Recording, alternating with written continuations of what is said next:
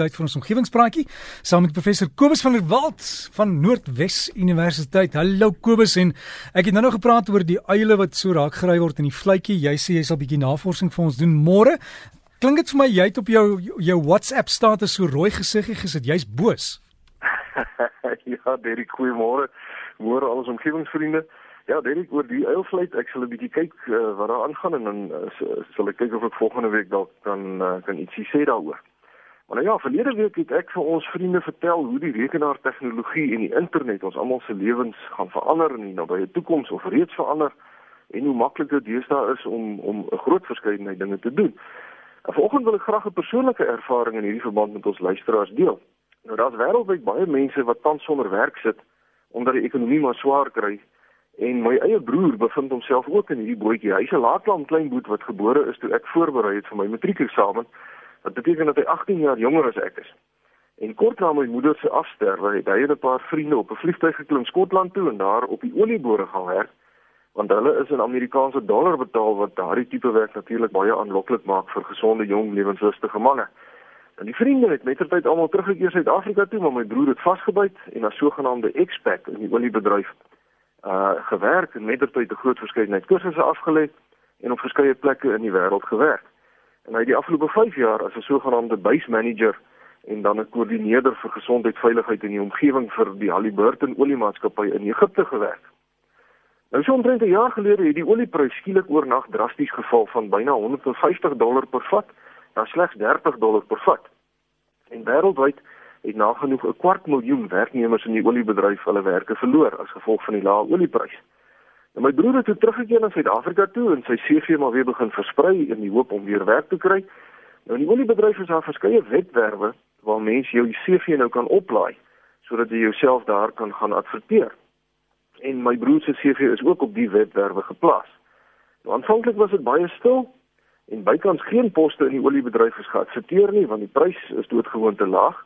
Maar die afgelope maand of 3 het die olieprys nou stadig opgekruip En sedertdien is daar heelwat poste wat geadverteer word. En my broer het net begin moedskep. En omtrent so 3 weke gelede toe is dit ook so.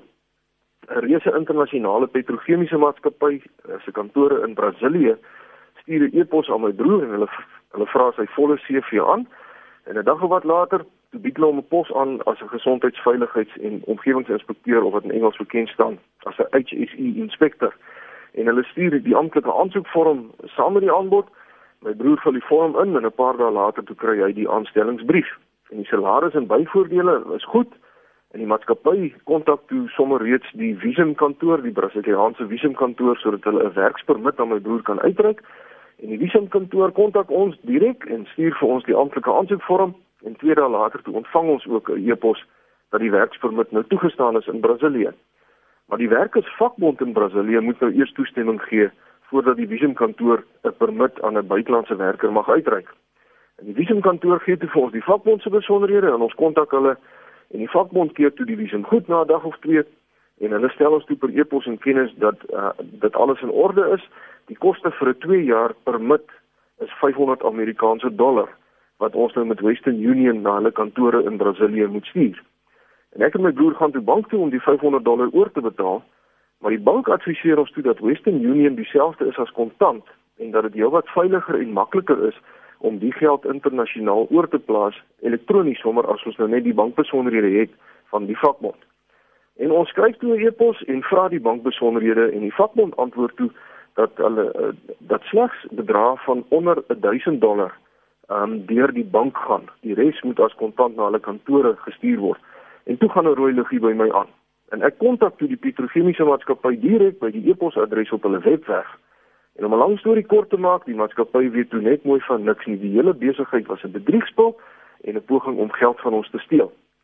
Nou weet ek waarom ek hierdie storie vanoggend vertel, is om almal te waarsku wat tans na werk soek en veral diegene wat internasionale werksaanbiedinge oorweeg. Julle moet asseblief ontsettend ligloop want die skelms is baie vernuftig. In ons geval het hulle hulle self voorgedoen as die korporatiewe dienste afdeling van die petrochemiese maatskappy en die persoon met wie ons gekorrespondeer het bestaan werklik. Ek het reg aan die begin gaan kyk op die internet en ek het die persoon gekry kompleet met 'n foto van hom, so daar bestaan regtig so iemand. En dieselfde het gebeur met die visumkantoor en later ook met die vakbond. Ons het elke keer op die internet gaan soek en na die persone met wie ons konsuis in kontak was, uh gaan kyk en daardie mense bestaan regtig. En verder het hulle nou die korrekte amptelike vorms elke keer gebruik. Ehm um, en die hele storie het presies verloop soos my broer se vorige ervarings van werksaanbiedinge in die buiteland. Daar was niks verdag of snaaks aan hierdie hele storie nie.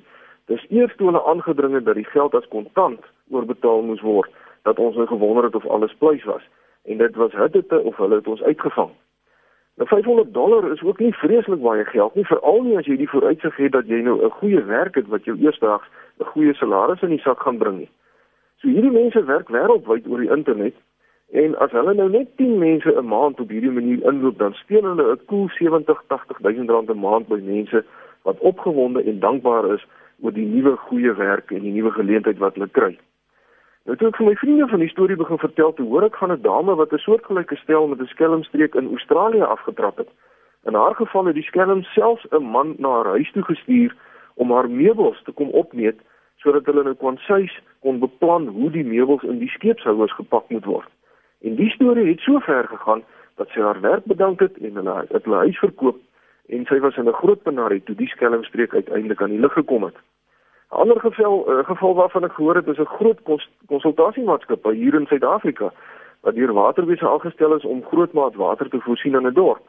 En hulle is met baie baie geld ingeloop deur skelms wat hulle self voorgedoen het as 'n besigheid wat pype verkoop. Nou nadat die tender aanvaar is en deposito oorbetaal is, toe is die skelms skoonveld. Nou in al die gevalle doen die skelms hulle self voor as werklike mense Hulle skep skyn webwerwe, hulle gebruik werklike dokumente, die amptelike dokumente wat hulle of by die maatskappye of die kantore steel of dit vervals en 'n mens kan eenvoudig nie te versigtig wees nie. Nou ja, um, ek het gevoel dit sal goed wees om hierdie ervaring met al ons omgewingsvriende te deel. Want die rekenaartegnologie en die internet kan natuurlik baie positief wees. Dit kan baie maklik wees om dinge te doen en en baie goeie gevolge vir ons en vir die omgewing inhou. Maar daar is 'n ander kant aan hierdie ding dit kan groot gevare vir doodgewone goeie mense inhou wat ander mense vertrou. So wees dus uiters versigtig en bevestig alles alle korrespondensie deur die amptelike wetwerwe van die maatskappye of die staatskantore voordat u dalk ingeloop word. Want in my geval was dit hitte of ons het vanoggend 'n klomp geld verloor. En daarmee Dirk, uh, is my tydjie om. Omgewingsvriende kan gerus vir my skryf by kobus.vanderwalt by nwu.ac.za of gaan kyk maar net na omgewingspraatjies se bladsy op Facebook. En daarmee sê ek vriendelike groete tot 'n volgende keer. So gesels Kobus van der Walt van Noordwes Universiteit. Hy is professor daar. As jy ook op die Facebook bladsy gaan loer, dit is omgewingspraatjies, die meervoud. So kom net op Facebook, gaan like hom en dan kan jy die inligting kry en selfs inligting deel. Is omgewingspraatjies. Anders Kobus.van der Walt by nwu.ac.za